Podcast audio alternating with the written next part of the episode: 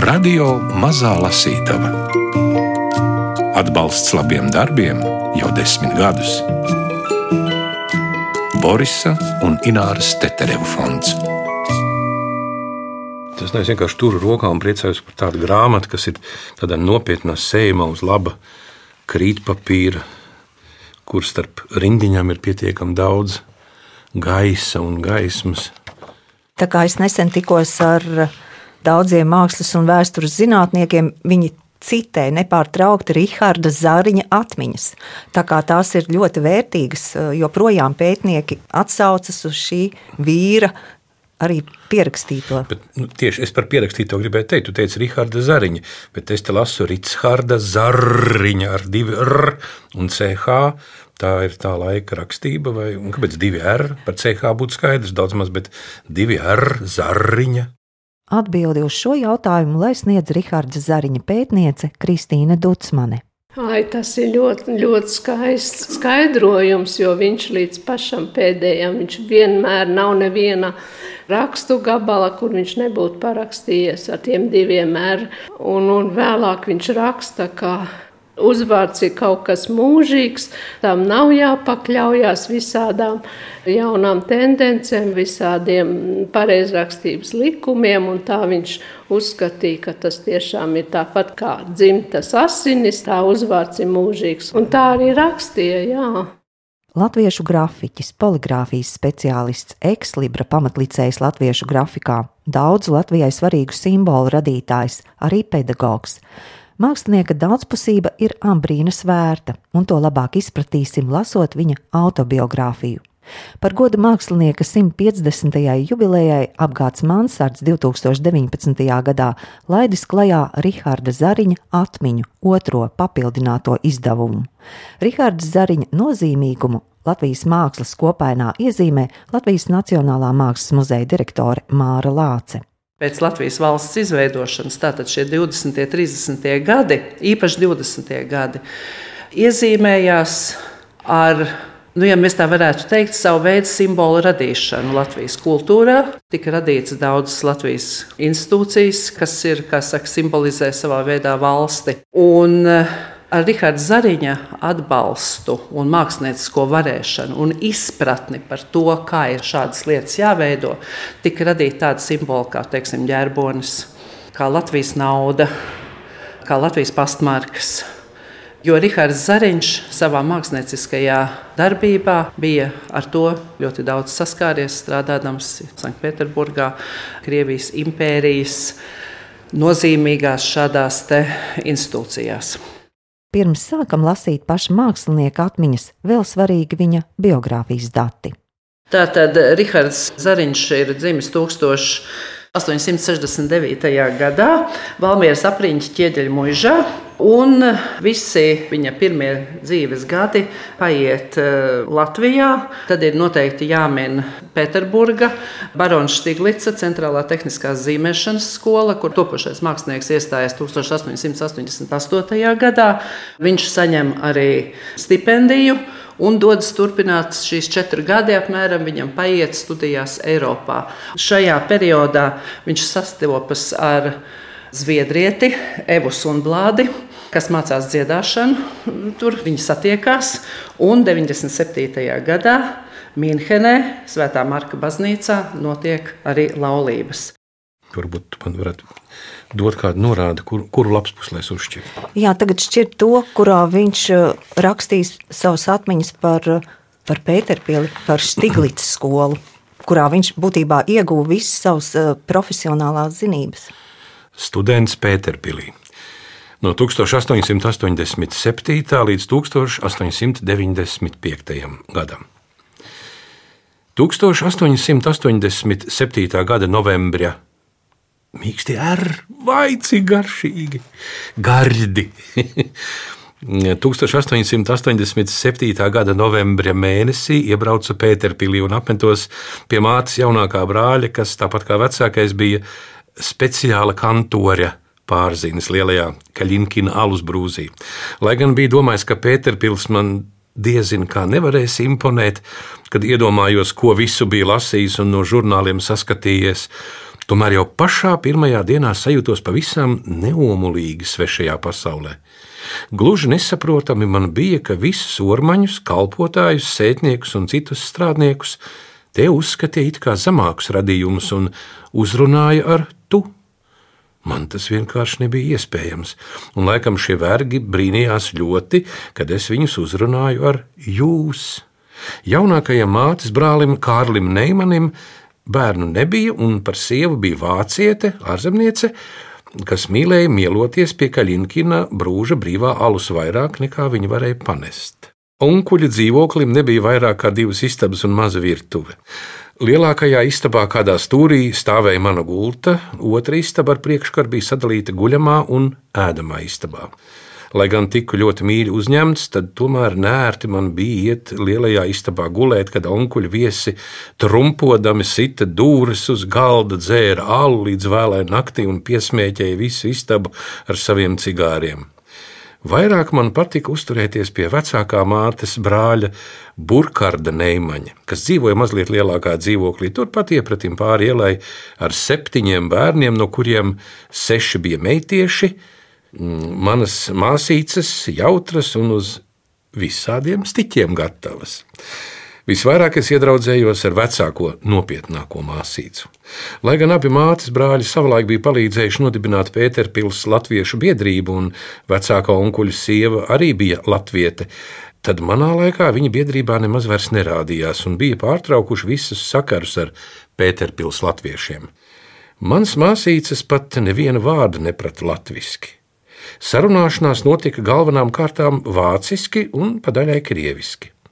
Mātes brāli visvairāk atbaidīja no latviešiem viņu modernizētā valoda, kurā viņš neprata izteikties un sarunāties, un kura viņam izlikās pilnīgi sveša un aušīga pret to lauku valodu, ar kuru viņš bija uzaudzis. Zināms, latviešu attīstībai viņš nebija sekojis un tamdēļ jutās kā no laivas izsviests. Par šo tematu mums vēlāk iznāca daudzas izrunāšanās un nevisai patīkamas. Septembrī mēnesī izturēja iestāšanās pārbaudījumu barona Štiglica centrālajā zīmēšanas skolā. Un tā kā līdz šim nekādu sistemātisku apmācību zīmēšanā nebija baudījis, tad jāiesāk bija ar zemāko, ar ornamentu klasi. Ar šo iestāšanos Štiglica skolā man sākās rinda, materiāli gan grūtu, bet no otras puses mācīšanās un panākumu ziņā ļoti auglīgu un sekmīgu gadu. No sākuma es paliku dzīvot pie mātes brāļa un staigāju kājām garjo ceļu no Kaļinkina brūža līdz vasaras dārzam, kur ja tuvumā atradās Štiglica zīmēšanas skola. Divreiz dienā 6 km no rīta turp un 6 vakarā atpakaļ. To es drīz vien vairs nevarēju izturēt, jo nonācu no rītiem skolā pavisam piekusis un sasvīdis, un vakaros pārnāca noguris un izbadējies. Nevarēju arī apmeklēt garā ceļa un vēlo stundu dēļ skolas plašo bibliotēku, kas bija atvērta tikai vakaros no pulksten septiņiem līdz desmitiem. Neatlika nekas cits, kā noīrēt skolas tuvumā mazu istabiņu. Par to nu gan aizgāja gandrīz visi Hāgenes simt rubļi jo istaba zem septiņiem, astoņiem rubļiem nemaz nevarēja dabūt. Pie mātes brāļa dzīvodams, es varēju par Hāgena stipendiju skolas virtuvē dabūt lētas pusdienas, lai gan to labumu savukārt atkal apēda garais ceļš. Bet nu vairs pusdienām nauda neatlika un bija jāapmierinās ar tā saucamo foršmaku par piecām kapekām pulksten 12. dienā. Cits viss izgāja par zīmēšanas materiāliem. Vienīgās pusdienas Man bija svētdienās pie Hāgena un vakariņas pie vecākā mātes brāļa. Arī svētdienās, kad nogāju tur padējot ar māsīcām vai citādi omulīgu vakaru pavadīt ar onkuļu viesiem. Garjot ceļu, tad vienādi bija atkal jāmēro kājām.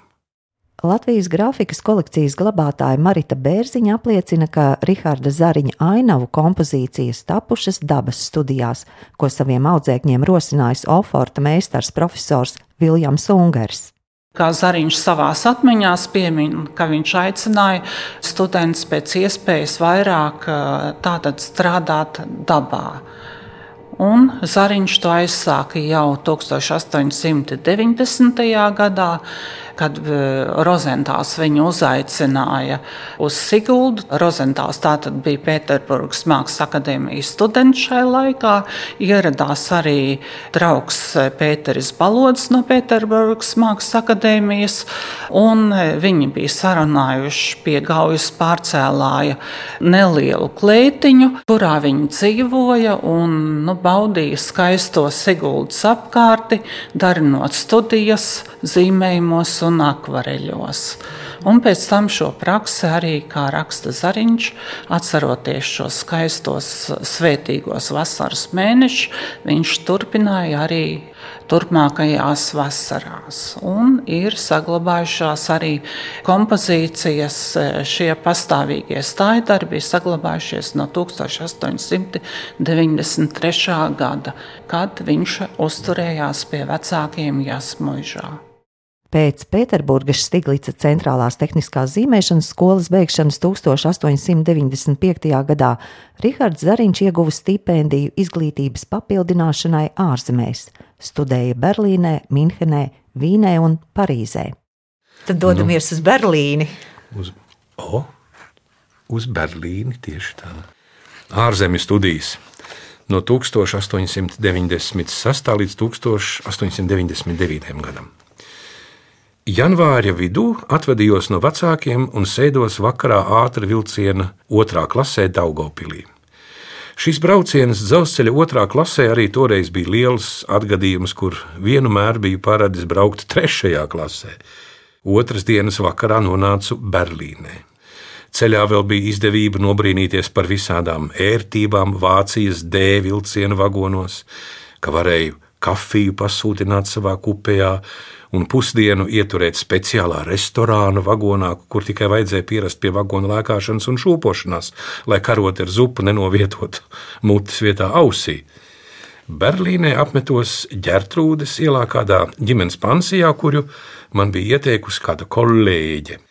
Tur bija kopā ļoti raiba internacionāla sabiedrība, divi studenti, japāņi, visādas vācu gaspažas no militārām aprindām, kāds jauns ungāru grāfs, kuru mēģināja sazvejot savai meitai kāda vācu ģimene, vairāki baltijas vācieši un vācietis, pāris jauni žīdi, viens norvēģis un vēl šādi tādi viesi, kas ilgāku vai īsāku laiku tur mitinājās. Pārsteigums man pansijā bija ar gultu. Lai gan bija ziema, istabas kurinātas netika, tā kā pa dienu istabā uzturēties nepavisam nebija patīkami, bet par to gulta sastāvēja no diviem milzīgiem pēļiem, uz vienu gulēja un ar otru apsedzās. Kad par abiem pēļiem cilvēks bija sasilis, tad gulēšana bija silta, daudzreiz pat par daudz silta, tā ka bija pat jāsvīst. Pēterpīlī es biju pieradis pie mazas dzelzceļa gultiņas ar cietu, sagulētu matraci un sēdzos ar pašaustu segu, un, kad bija vēss, tad vēl uzsēdz mēteli. Ēšana bija laba, vismaz man tā izlikās, jo šī ziņā jau nepavisam nebija izlutināts. Daudz jau arī bija jānoskatās un jāpiemācās. Tā pret pavasari, kad uz galda pusdienā parādījās spārģeļi, un es tos pirmo reizi dzīvē dabūju baudīt, man ļoti nepatika taisni maigie galiņi, kas jau ir spārģeļu delikātā daļa, un tos es griezu nost.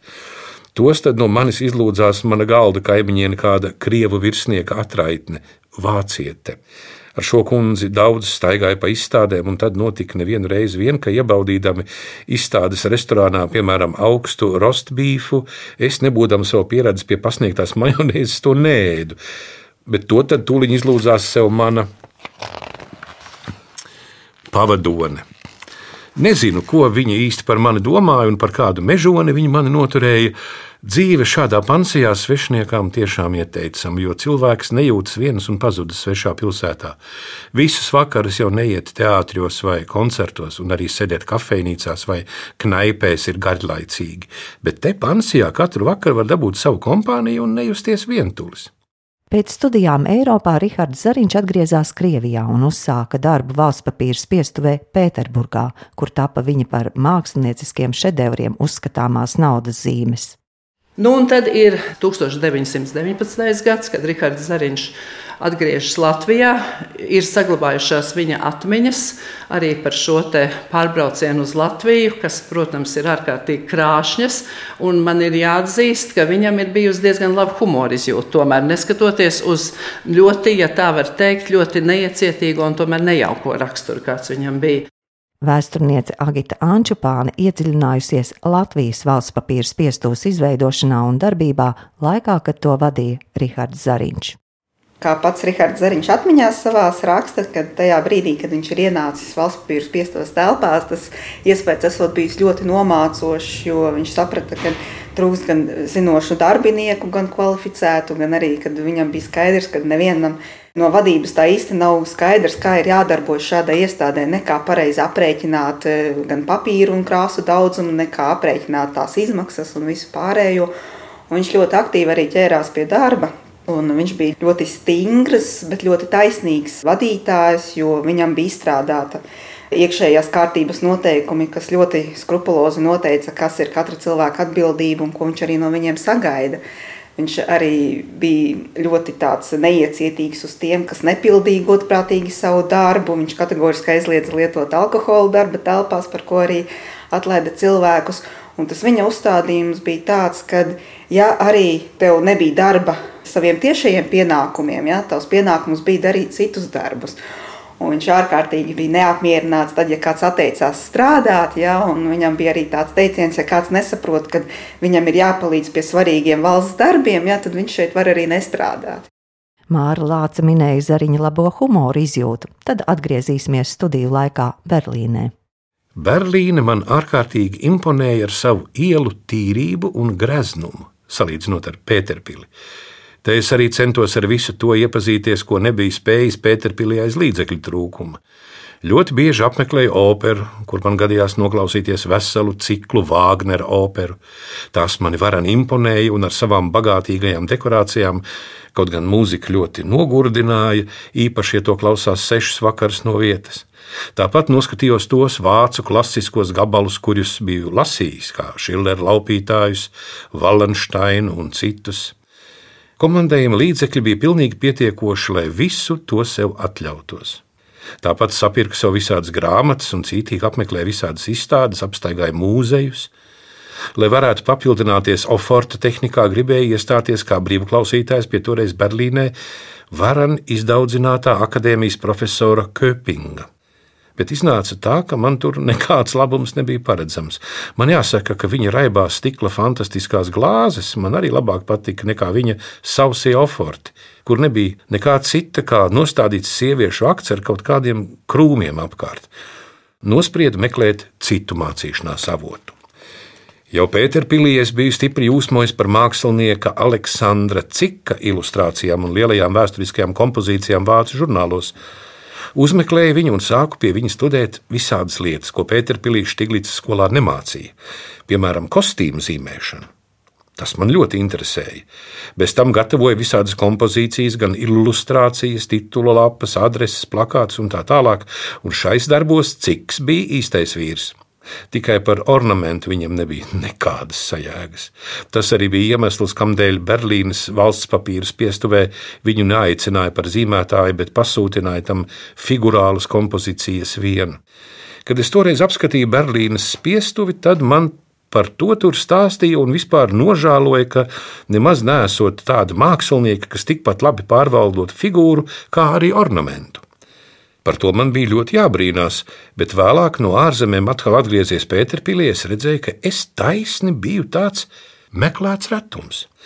Ciks pēc saviem darbiem bija galvenām kārtām zīmētājs, pēc tam pasalkans un vājš kolorists, kad es biju pagatavojis kādas viņa eļļas studijas fauna galvas kopiju akvareļa krāsās un to viņam rādīju, tad viņš bija ārkārtīgi pārsteigts par to, kā ar akvareļa krāsām varot sasniegt tikpat stiprus efektus kā ar eļļas krāsām. Par to jau mums Pēterpīlī arī bija pamatīga izskološana bijusi Štiglica skolas akvareļa klasē. Šī labā kopija man diemžēl ir zudusi kad lielnieku laikā bēgu no Pēterpils uz Latviju un neko nevarēja paņemt līdzi. Man jāsaka, ka laiks, kuru pavadīju Berlīnē, bija ļoti sekmīgs, un man sakrājās diezgan darbu, ko iesūtīt skolai kā pierādījums par komandējuma izlietošanu, un es pats varēju konstatēt, ka šie darbi bija labāki par tiem, kurus savulaik redzēju iesūtītus no agrākiem stipendijātiem. Tomēr es dzīvoju mūžīgā uzbudinājumā, ka tikai neiesūtu par mazu darbu un netieku saukts atpakaļ, bet man tik ļoti gribējās redzēt visu to, par ko biju mācījies mākslas vēsturē un lasījis grāmatās. Berlīnes muzejos bija daudz interesanta. Man ļoti patika arī bagātā arhitektūra un Potsdamā Friedriča lielā rokoko pilsēta Sansusī. Berlīnes mūzejos un izstādēs es arī pirmo reizi dabūju redzēt Arnolda Belkina, raksta Belkina, fantastiskās gleznas, neparasti stiprās un spilgtās krāsās, bet es vēl biju par daudz pieradis pie pareizām klasiskām figūru formām, un tamdēļ ilgi nevarēju apmierināties ar Belkina no galvas glaznotām, nepareizi zīmētām figūrām un vispār ar viņa gleznu sižetu pasauli. Viņa pretstats bija nepiekukuļojamais realists Ādolfs Mencels, kuru jau pazinu no viņa ilustrācijām Friedriča lielā vēsturē. Berlīnē iepazinos ar viņa komplicētajām jubilejas adresēm.